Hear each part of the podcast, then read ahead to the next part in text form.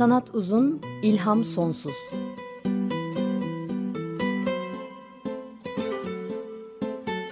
Sanat üzerine psikolojik sohbetler. Hazırlayan ve sunanlar Şenol Ayla ve Timuçin Oral.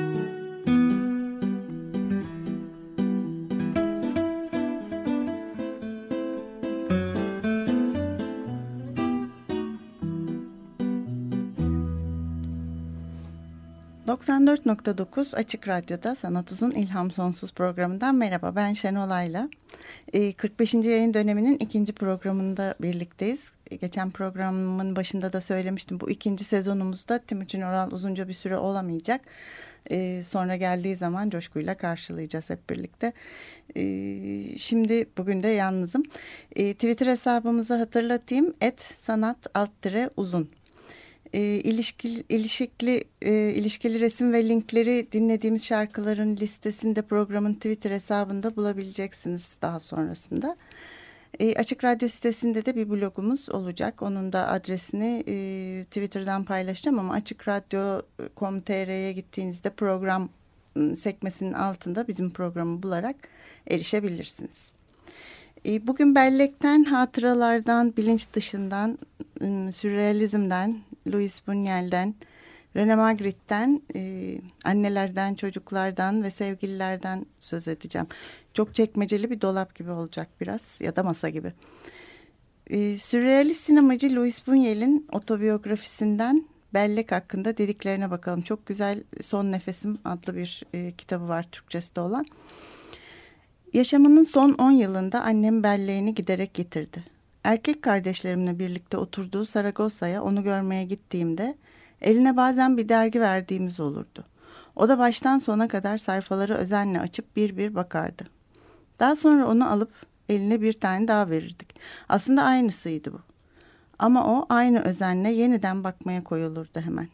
Giderek öyle bir an geldi ki çocuklarını tanıyamamaya, bizim hatta kendisinin bile kim olduğunu çıkaramamaya başladı. İçeri girip onu kucaklar, yanında bir süre kalırdım. Sağlık durumu yerindeydi. Sonra dışarı çıkıp hemen geri dönerdim. Annem beni gülümseyişiyle karşılar, oturmamı rica ederdi. Sanki beni ilk kez görüyor, dahası adımın ne olduğunu bile anımsamıyordu. Yıllar geçip gittikçe o zamanların çocukluğun küçümsenen belleği bizim için değer kazanmaya başlar.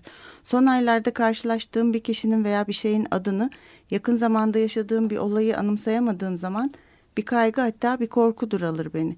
Kişiliğim birden parça parça olur dağılır. Başka hiçbir şey düşünemem. Tüm yaşamımızı şekillendiren bu bellek olduğunu fark edebilmemiz için çok az da olsa belleğimizi yitirmeye başlamış olmamız gerekir. Kendini ortaya koyamayan bir akıl nasıl akıl sayılmazsa belleksiz bir yaşamda yaşam sayılmaz. Belleğimiz bizim uyumumuz, varlık nedenimiz, davranışlarımız ve duygularımızdır. Biz onsuz bir hiçiz. E, Louis Buñuel kitabının girişinde böyle diyor ve e, onun da dediğine katılıyorum. Dediği gibi etkin gücü tartışılmaz olan bir belleğimiz var. Çok da hassas aynı zamanda da tehlike altında. E, sadece unutkanlıkla değil yavaş yavaş gerçekleşen o gerçek dışı anılarla da tehdit edilmektedir bellek. Belki de bu daha da tehlikelisidir e, hayal ve düş gücü belleği sürekli tehdit altına aldıklarından da insanlarda hayal ürününün gerçekliğine inanma gibi bir tutku bulunduğundan kendi yalanlarımızı gerçek sayabiliriz diyor Bunyel kitabın devamında. Ancak yalnızca göreceli bir anlam taşıyan bu anılar yaşanmış olduklarına göre her biri aynı ölçüde de kişiseldir.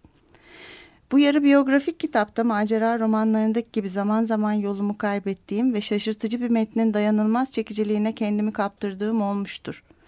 Ve tüm özenime karşın belki de hala içinde gerçek olmayan bir iki anı kalmıştır. Ama tek sözcükle söylemek gerekirse bunlar benim belleğim. Nihayet doğrularımla ve yalanlarımla benim portrem. Ee, bunu seviyorum buradaki şu cümleyi. Ee, bir daha okumak istiyorum orasını. Zaman zaman macera romanlarındaki bir yolumu kaybettiğim ve şaşırtıcı bir metnin dayanılmaz çekiciliğine kendimi kaptırdığım olmuştur diyor. Benim için de bu programı hazırlamak biraz öyle oluyor. Girdiğim yerle çıktığım yer arasında hiç planlamadığım yerlere girip çıkabiliyorum. Ee, konuların cazibesine kapılabiliyorum. Savrulup gidebiliyorum. Şimdi de öyle bir programa başlıyoruz. E, Luis Buñuel sürrealizm akımının önde gelen sanatçılarından İspanyol ıı, sinemanın da önemli yönetmenlerinden. E, 1900 doğumlu 1983'te de ölmüştü. Bir sanat eleştirmeni e, onun ilk filmi olup Salvador Dali ile birlikte yaptıkları Endülüs Köpeği Un Chien Andalou filmini tüm zamanların en ünlü kısa filmi olarak tanımlamıştı.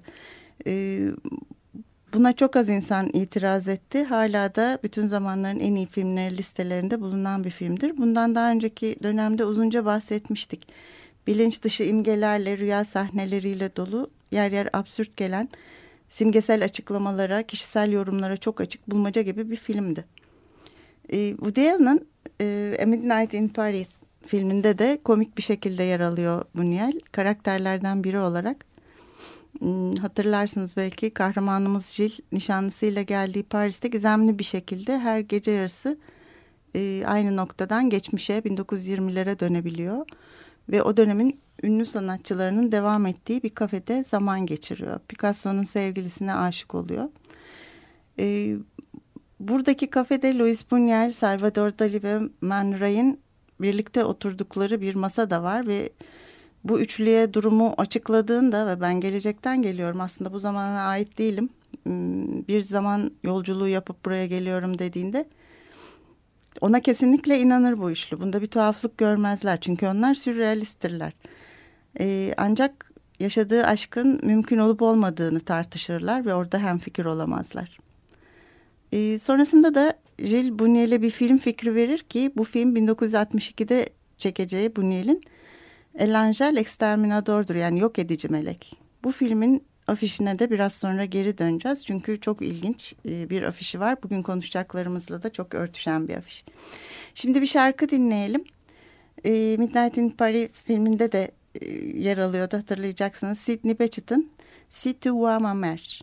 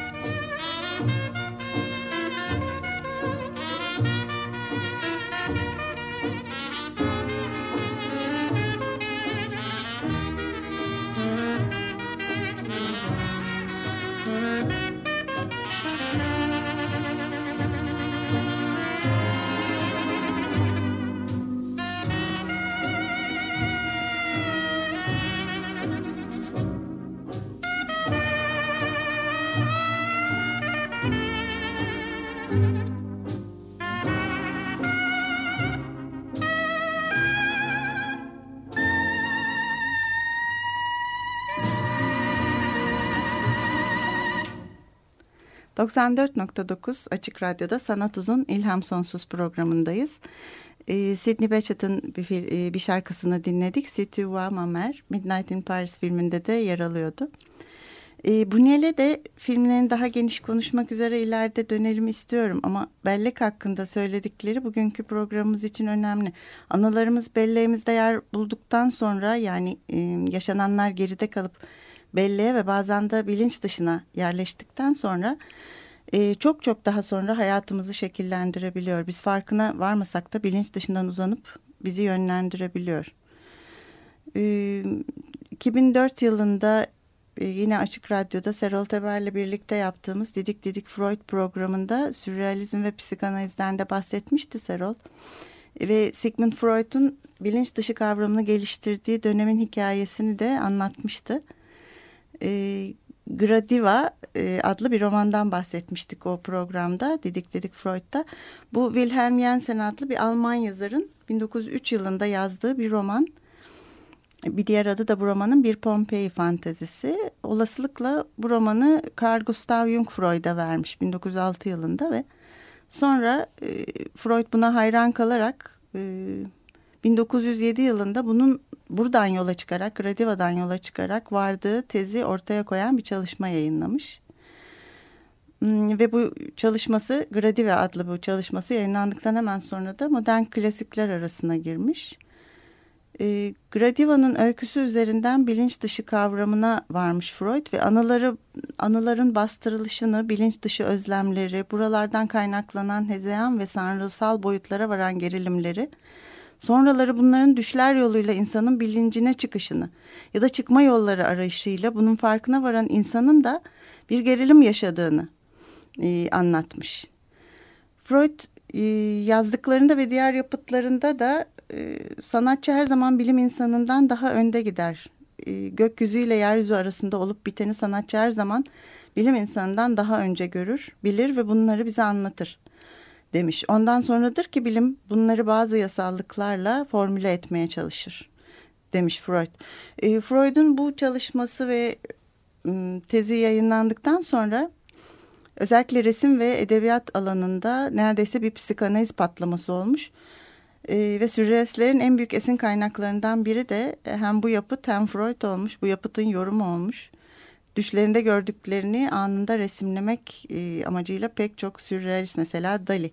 Yatağının başucuna boş bir tuval ve elinde fırçalarla e, uykuya gitmiş.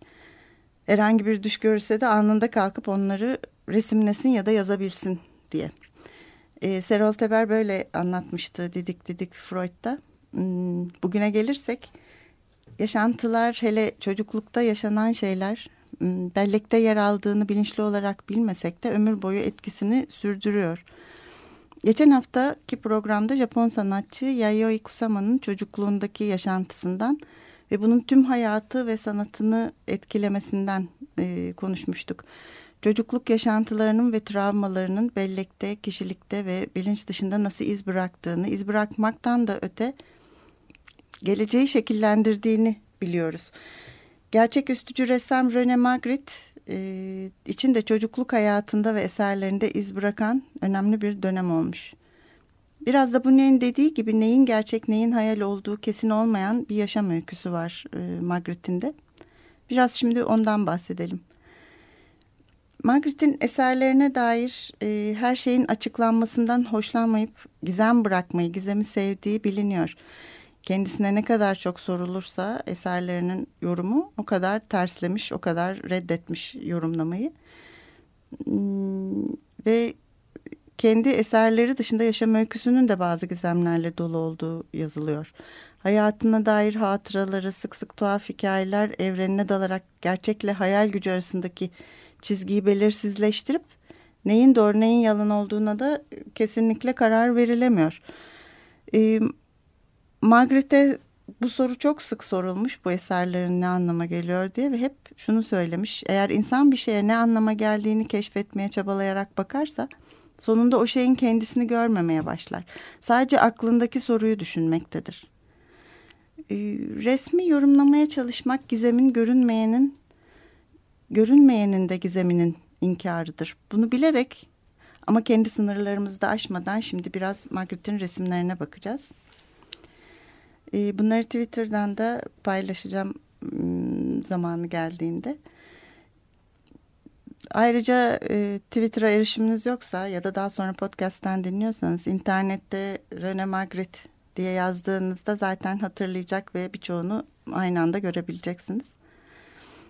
Hmm, Rene François Ghislain Magritte 1898'de küçük bir kasabada doğmuş Belçika'da. Annesi ve babası bölgenin köklü ailelerinden geliyorlarmış. Evlendikleri yıl Rene doğmuş ve iki küçük kardeşi olmuş kendisinden sonra Paul ve Raymond. Rene'nin babası gezici satış temsilcisiymiş ve aile sık sık yer değiştirirmiş. Rene 6 yaşındayken Sambre Irmağı üzerindeki Şatle kasabasına yerleşmişler ve uzun sürede burada kalmışlar. Annesi Regina sık sık depresyona girermiş, e, uzun sürermiş bu depresyon dönemleri ve intihar girişimlerinde bulunurmuş. Kocasının da onu sık sık yatak odasına kilitlediği biliniyor. Belki intihara kalkışmasın diye bilemiyoruz. Ama Regina 1912'de bir Şubat gecesi kaçmayı başarıyor ve bir köprüden Sambre Irmağı'na atlayarak kayboluyor. O günün ertesi günü yerel gazetelerde şöyle yazıyor. Gravey Sokağı numara 95 Şatlı adresinde yaşayan Bayan Margaret'in Regina Bertinsham olarak da bilinir. Pazar günü sabah 04.30 itibariyle kayıp olduğu bildirilmiştir. 40 yaşında 1.62 boyunda iri yapılı, siyah saçlı, üstünde kırmızı beyaz çizgili bir sabahlık, boyun kısmı dantelli beyaz bir gecelik, siyah yün çoraplar var. İçinde 2998 rakamlarının kazılı olduğu bir alyans takıyor. 24 Şubat 1912 Journal de Charleroi gazetesinden. Aynı gazete e, bundan e, 19 gün sonra 13 Mart tarihli şöyle bir haber geçiyor. Kayıp kadının cesedi dün sabah saatlerinde Sambır Irmağı'nda atık yığınının arkasında bulundu. Ee, annesinin cansız bedeni ancak e, birkaç hafta sonra atladığı sanılan köprünün iki kilometre kadar aşağısında bulununca e, bulunduğu zaman Rene e, bunu anlayacak kadar büyük 14 yaşında. Hmm, bazı kaynaklarda annesi sudan çıkarılırken orada olduğu da yazılır ama bu doğrulanmış değil. E, sudan çıkarıldığında da annenin geceliğinin yüzüne sarılmış olduğu da anlatılıyor.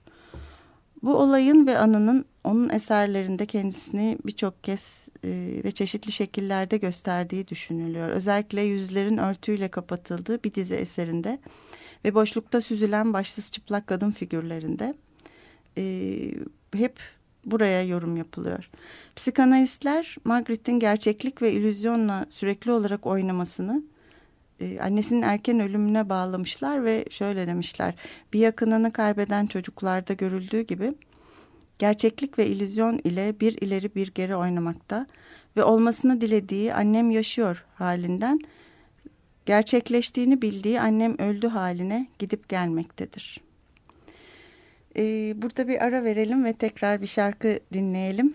Ee, Bach'ın Goldberg çeşitlemelerinden e, bir numaralı Arya'yı Glenn Gould çalacak.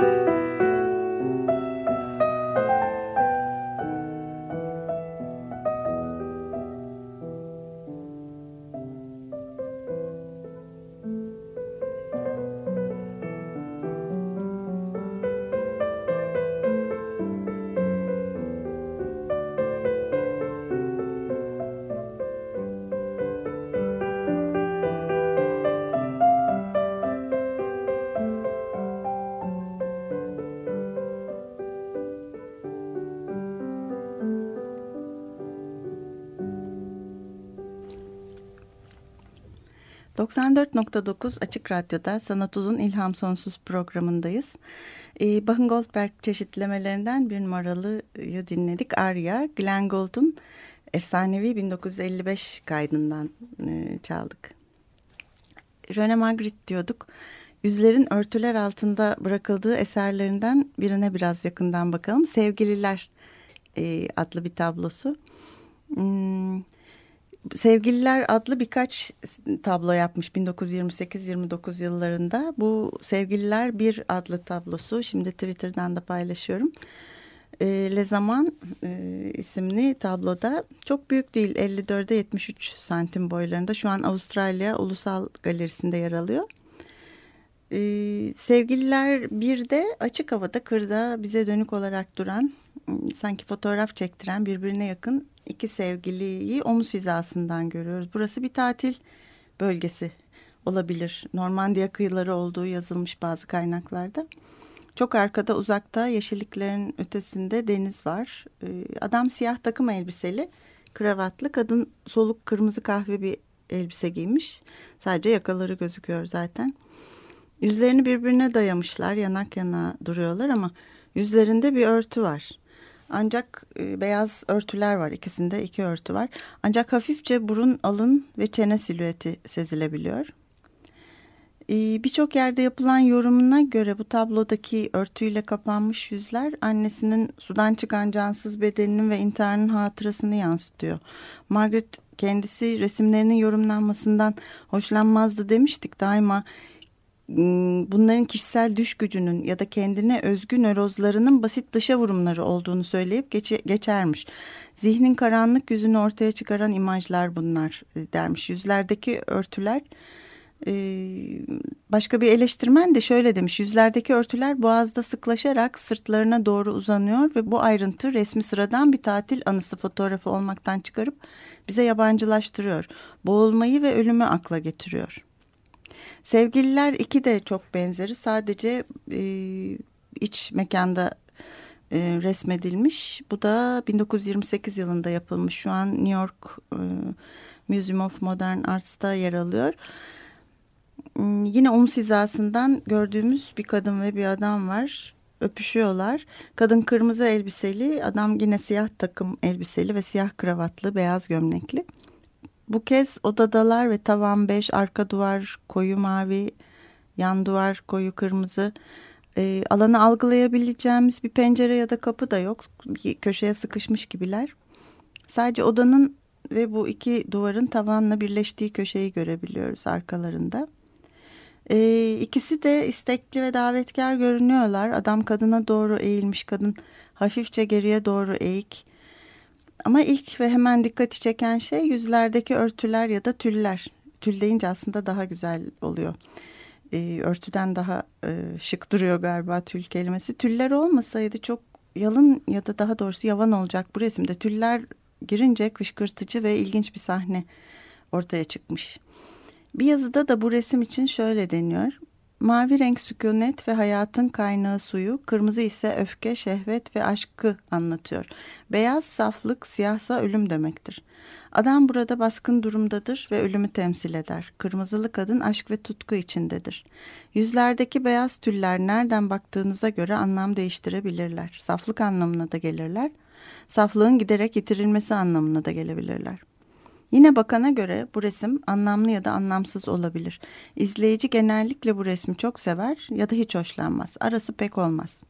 Bir eleştirmen böyle yazmış ve e, başka bir eleştirmen de bu resim içinde annesinin boğulmasıyla ilgili anılar ve bilinçaltının imgeleri söz konusu demiş. Tabii söz konusu sürrealizm olunca yorumcusu da çok ve çeşitli oluyor. Bir de psikanalistler tarafından nasıl yorumlandığına bakalım. E, tüller arkasında öpüşen sevgililer kelimenin psikanalitik anlamıyla bir tutku metaforudur. E, bilinç dışı bağlantısıyla da sürrealist bir dışa vurumun objesidir. Buradaki sevgililerin tutkusu çok gizemlidir ve aslında sevgilinin kim olduğundan daha çok tutkunun kendisi önemlidir. Bunlar sevgiliye değil tutkuya tutkuludurlar. E, aşıklardan hiçbiri ne kimi arzuladığını bilir ne de karşısındaki için kendisinin bir tutku objesi olarak ne olduğunu bilir. Sadece tutkuyla birbirlerini arzularlar. E, bu da değişik bir yorum olmuş. E, misafir odası yapıyorum bu dönemde biliyorsunuz geçen haftadan. E, her programda bir radyocu arkadaşımdan bir konuyla ilgili bir şarkı alıyorum. Bugünkü misafir odasında Hande Akkan var.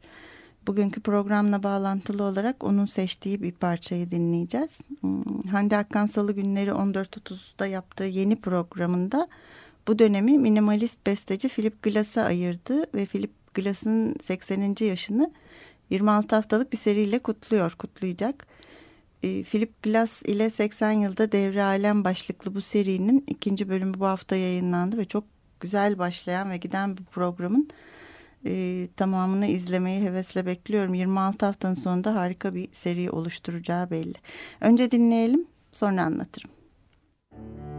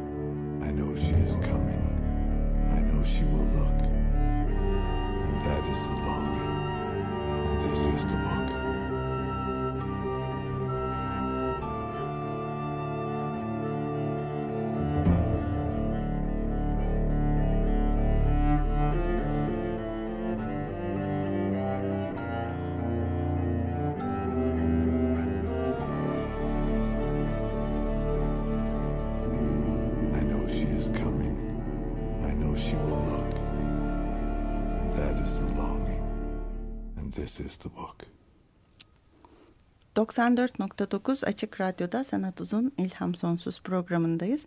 Hande Akkan misafir odası için bu parçayı seçmişti. Ee, bu parça Philip Glass'ın 2007 tarihli Book of Longing kompozisyonundan.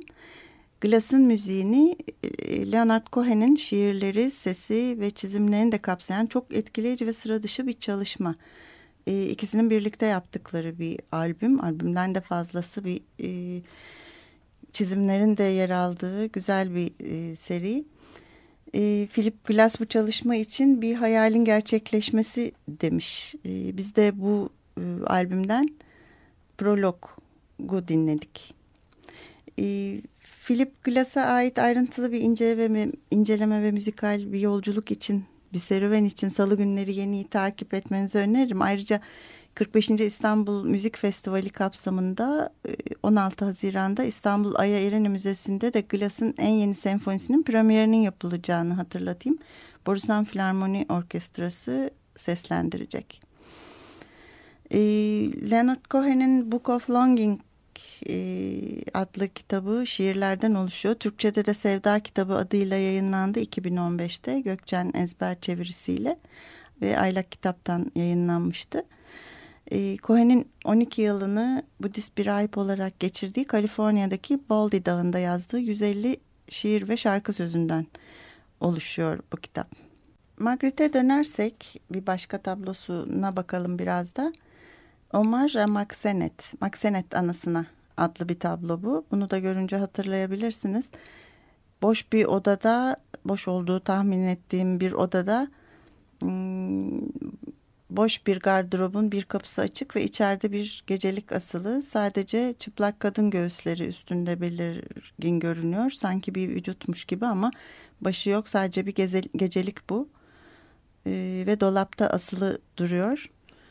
Ee, bununla ilgili e, İş Bankası Kültür Yayınları'nda çıkan Sürrealistler Ayrıntıda Sanat kitabında ıı, şöyle deniyor.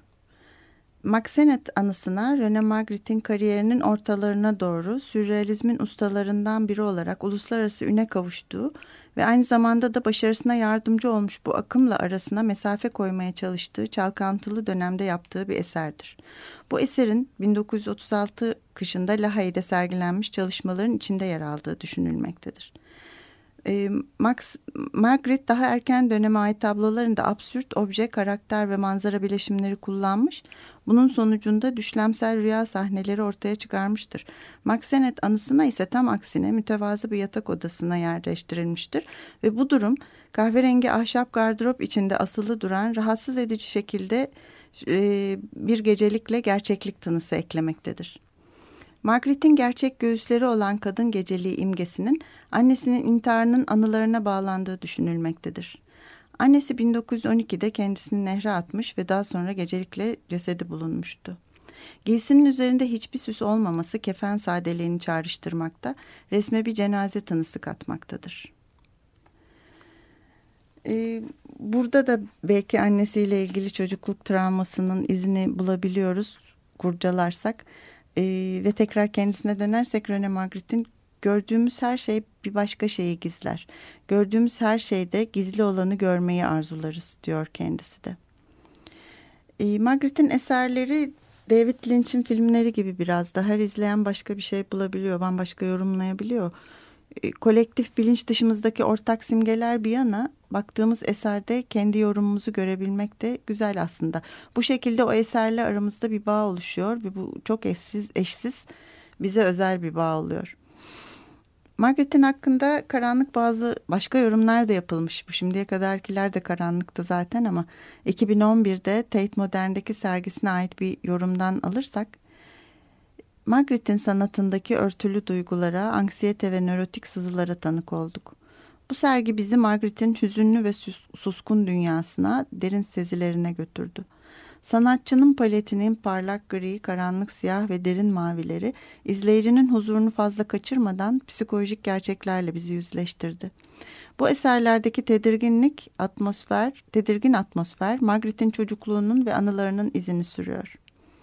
Kendisi inkar etse de eserleri çocukluk travmasının izlerini taşıyor.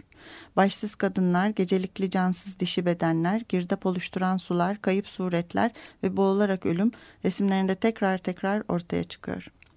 Margaret'in dünyası her şeyin donup kaldığı, cansız olduğu depresif bir dünya. Umutsuzluğu ve hareketsizliği sembolize ediyor. Bu sürrealizmden çok ölüm ve intihar. Neşenin eksik olduğu işler bunlar. Freud'un aksine Margaret rüyaları açıklamayı değil, onların gizemini resimlemeyi hedefledi. Düşler anılardan doğuyor, anılarsa duygularla yüklü.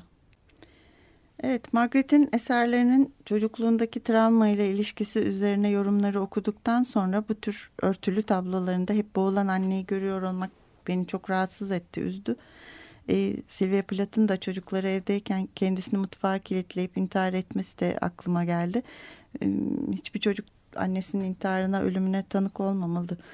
E, tabii ama onun için kendimce başka bir varsayıma daha fazla olasılık tanıyorum bu örtülü yüzler ve Margaret'in tablolarıyla ilgili ve buna severek e, olasılık tanımak istiyorum. Şu olasılığa e, genç Margaret koyu bir sinema severmiş gençken ve bu yüzden tablolarında tekrar eden motiflerden biri de film başlarken kaldırılan ya da kenara çekilen ağır kırmızı perdeler deniyor. E, Louis Feuillet'in yaptığı Fantomas filmlerini de çok severmiş. İlki 1923 yılında yayınlanan bu sessiz Fransız polisiye film serisi o yıllarda çok popülermiş. Margaret'in 14 yaşında olduğu yıllar. Bu filmler Margaret'in severek okuduğu aynı adlı romanlardan yola çıkarak filme çekilmişti. Ee, ve Margaret başka polisiye romanları da çok severek okurdu. Kendisini azılı bir suçlu olan Fantomas'la da özdeşleştirirmiş. Fantomas kılık değiştirmekte usta e, ve asıl yüzünü kimsenin bilmediği afişlerde maskeli ya da yüzünde peçe ya da örtü olan bir kahraman. Suç İmparatoru adıyla da biliniyor. Kurbanlarını kurnazca gizlilikle avladığı ve daimi olarak peşinde olan dedektif onu yakalamak üzereyken son anda daima kaçmayı başardığı anlatılıyor. E, o dönemde kendisi de bir Fantomas filmi sinopsisi için taslak yazmış Margaret 14 yaşındayken. Daha sonra 1928'de bu taslak e, Fantomas notları olarak sürrealist dergi Distance'da yayınlanmış. E, bundan bir bölüm okuyalım. İlginç bir sahne 14 yaşındaki René'yi görebilmek için. Bir patırtı kopar. Juve uzun süredir Fantomas'ın izini sürmektedir. Esrarengiz koridorun kırık döşemelerinden sessizce süzülür. Parmakları duvarlarda gezinir. Aniden sıcak bir hava dalgası çarpar yüzüne. Yaklaşır. Gözleri karanlığa alışmıştır. Dedektif Juve bir odaya girer ve uyumakta olan Fantomas'ı görür. Fantomas ölü gibi uyumaktadır. Juve tüm dikkatiyle uyuyan adamı bağlar. Fantomas rüya görmeye devam eder. Muhtemelen her zaman olduğu gibi kılık değiştirdiğini görmektedir. Dedektif Juve mutluluğun verdiği heyecanla düşüncesizce bir şeyler geveler. Bu sözcükler tutsağını harekete geçirir. Dedektif yine başarısız olmuştur. Amacına ulaşmak için tek çaresi kalmıştır. Fantomas'ın rüyalarına girmesi gerekmektedir. Oradaki karakterlerden biri olmaya çalışacaktır. Ee, bu da Patricia Almer'in işte Margaret kitabındaki bilgilerden e, aldım bunu da. E, bu da güzel bir kitap şey üstüne Margaret üstüne e, okumakta fayda olan merak edenlerin seveceği bir kitap. Ve dediğim gibi bütün bu yüzü örtülü figürlerde kadın kadın figürlerinde annesinin ölümüyle yaşadığı travmayı görmektense benim fantoması görmek çok daha hoşuma gitti. Onun için onu en sona almak istedim. Başta da bahsettiğim Buñuel'in 1962'de çekeceği El Angel Exterminator yok edici melek filminin afişine geri dönelim demiştik. Bunu da Twitter'dan paylaşacağım. Siz de arayabilirsiniz. Yok edici melek adıyla Türkçe'de de oynamış. Hmm, Louis Buñuel'in bu filmi. E, Sevgililer 2 e, tablosuna çok benzeyen bir e, afiş. Fotoğraf siyah beyaz bir fotoğraf. Yüzlerini seçemediğimiz karanlıkta kalmış kısmen yüzleri.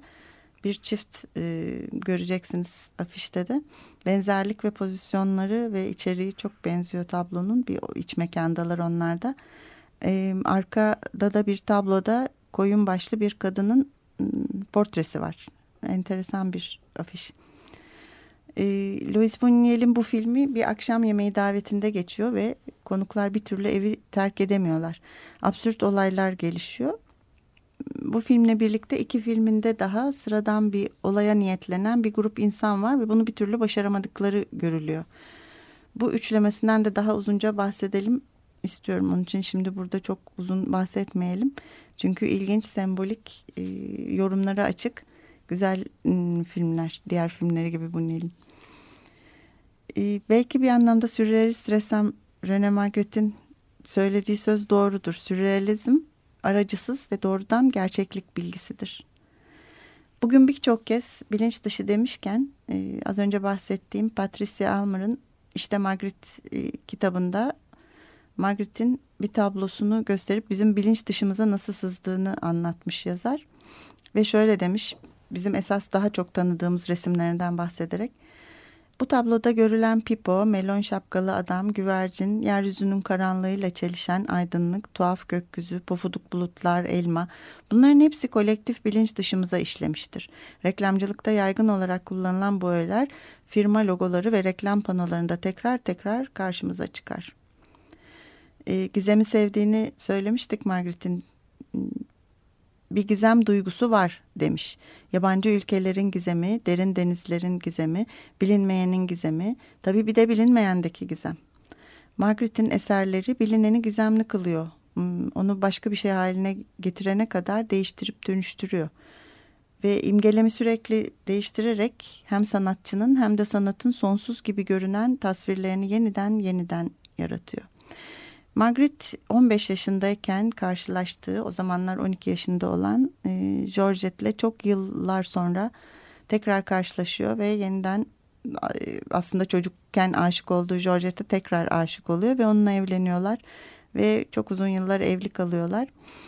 E, şimdi Rene Margaret ve eşi Georgette üstüne bir şarkı dinleyelim. Paul Simon söyleyecek. Rene and Georgette Margaret with their dog after war. Renee and Georgette Magritte with their dog after the war returned to their hotel suite and they unlocked the door. Easily losing their evening clothes, they danced by the light of the moon to the penguins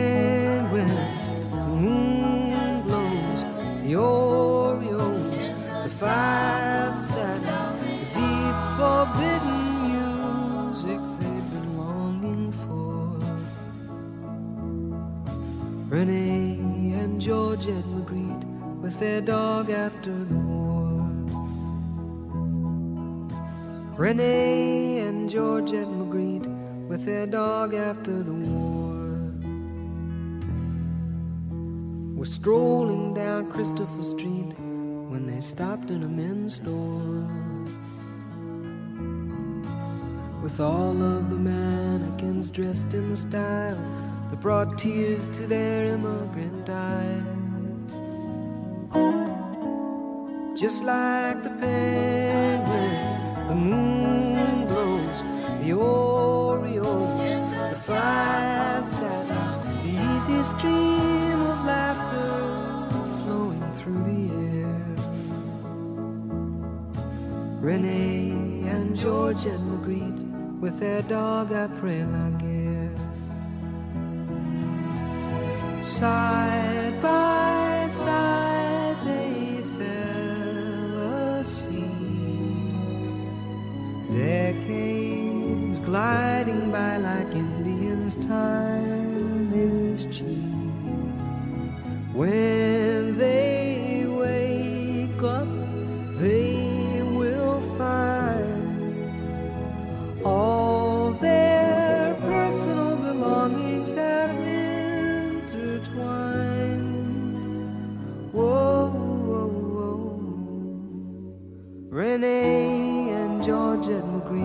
with their dog after the war.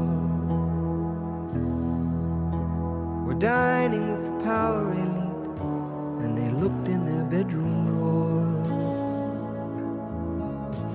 And what do you think they have hidden away in the cabinet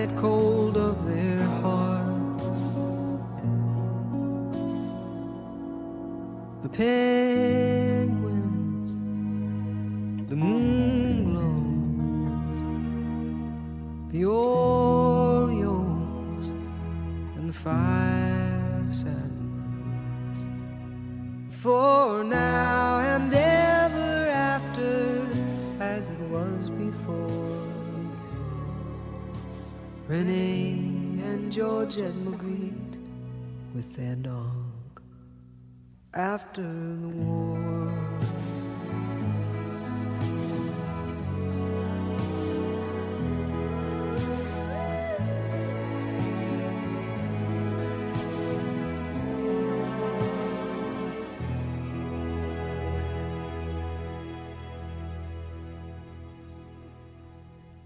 94.9 Açık Radyo'da Sanat Uzun İlham Sonsuz'u dinliyorsunuz. Paul Simon söyledi. E, Rene and Georgette Margaret with their dog after war. E, müziğe gelirsek e, müzik aslında sürrealizmle e, çelişkili olarak yer almış tarihte birçok açıdan. E, Fransız ya da Bretoncu gerçek üstücülükte Brüksel gerçek üstücülüğü arasındaki temel farklardan birinin de müziğe olan yaklaşımları yazılıyor bazı yerlerde. Breton müzikten hoşlanıyor ama çok da ilgili değil. Züppe işi olduğunu düşünüyor André Breton. Onun için müziği geçerli bir sanat formu olarak görmüyor ama Margaret'in kardeşi Paul e, ve arkadaşları müzisyen. Dolayısıyla müzik Margaret'in resimlerinde hayatı boyunca büyük bir rol oynamış. Ve sonraki dönemlerde de Breton'la aralarındaki sorunları onun müziği reddetmesine bağlamışlar. Margaret'e göre müzikten hoşlanmayan bir kişiye güvenilmez. E, Margaret'in en sevdiği besteciler arasında da Erik Satie var, Bach, Vivaldi, Tchaikovsky ve Wagner var. E, özellikle Mahler'in Kindertoten lideri ile Mozart'ın Requiem'ini seviyor. Bu ikisinden de önceki dönemde bazı bölümler çalmıştık. 1920'lerin ortasında müzik dünyasındaki arkadaşları aracılığıyla işler alarak no nota kağıdı kapakları da tasarladığı biliniyor. E, ayrıca 1925'te eşi Georgette ile birlikte Rene George takma adıyla ikisi ortak e, bir şarkı içinde şarkı sözü yazıyorlar. Bu şarkının bestesini de o zamanlar başarılı bir bestekar olan dans ve caz besteleri için e, Bilbadi mahlasını kullanan kardeşi Paul yapıyor. E, Birçok e, ilginç kelime geçiyor. Büyüleyici bir kolyaj gibiydi diyor bu şarkı sözü için eleştirmenler. İçinde geçen kelimelere bakarsak şeytani, kaprisli, e, parıldayan elbiseler, puslu bulutlar, sabah e, tatlı gece kokteyli, ihtiyatlı olalım, işte çiçekler, bu güzel güller, geyşeye aşık olur yatıştırmak için sinirlerini. E, Rüzgarın kaprisi, Altın Çağ'daki bluz. E, güzel isimli Güzel Elbiseler adlı bir şarkı bu. Güzel isimli Güzel Elbiseler de aslında o döneme ait bir ışıltı, şapkalar, kürkler, mücevherler, peruklar, oyuncak bebekler, kokular, şarkılar, danslar ve birçok şeyin moda olduğu renkli bir şov gibi bir geçit yapıyor. E, aynı şekilde o sıralar blues müziği de en az bu şeyler kadar moda olduğu için e, ilginç bir, bir birliktelik oluşturuyorlar. 1992 yılında Amerikan Senfoni e, Orkestrası Carnegie Hall'da bir konser vermiş şu isimle Sürrealizm ve Müzik. Rene Magritte çevresindeki müzikal dünya 1930-1975 ve e, o, orkestranın müzik yönetimini Leon Botstein yapmış. Botstein'in konser kitapçığında sürrealizm ve müzikle ilgili olduğu olarak yazdığı şeyler de ilginç. Şöyle diyor. Fransız sürrealizminin müziğe düşmanca yaklaşımı olduğu bilinir. Bu ironik bir yaklaşımdır. Çünkü müzik aslında gerçek üstücü ideoloji için aracısız doğal bir gereçtir. Sürrealizmin merkezinde hayal gücünün hiçbir aracı olmadan doğrudan yaratıcı sürece aktarılması kavramı yatmaktadır. Ki bu bilinçle bilinç dışı arasındaki sınırın da ötesine geçmektedir. Sürrealist sanatçı aşikar çelişkilerin üstünlüğünü coşkuyla kutlar ve aklın mantığın zorbalığına şiddetle karşı çıkar. Böylelikle yaratıcılığın bilinçli olmayan dinamiğini serbest bırakır ve ortaya çıkarır. Düşler uyanık hayatın tercümesi ise diğer Rene Magritte, uyanık hayatta düşlerin bir tercümesi olabilir. Ve Louis Buñuel'in de dediği gibi e, onunla başladık, onunla kapatalım. Belleğimiz çok hassastır. Aynı zamanda da tehlike altındadır. Yalnız eski düşmanı unutkanlıkla değil, yavaş yavaş gerçekleşen o gerçek dışı anılarla da tehdit edilmektedir.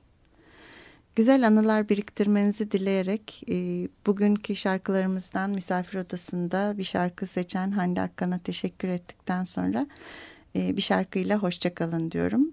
Stephen Bramble'in Bistro Fadası'nı dinliyoruz. Müzik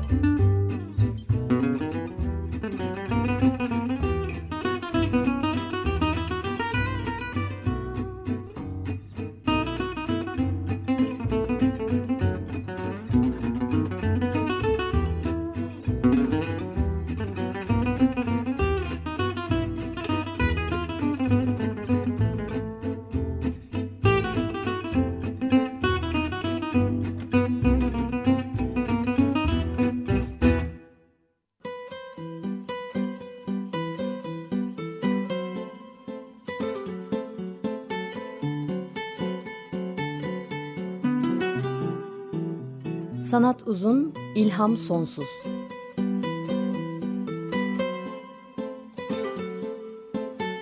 Sanat üzerine psikolojik sohbetler. Hazırlayan ve sunanlar Şenol Ayla ve Timuçin Oral.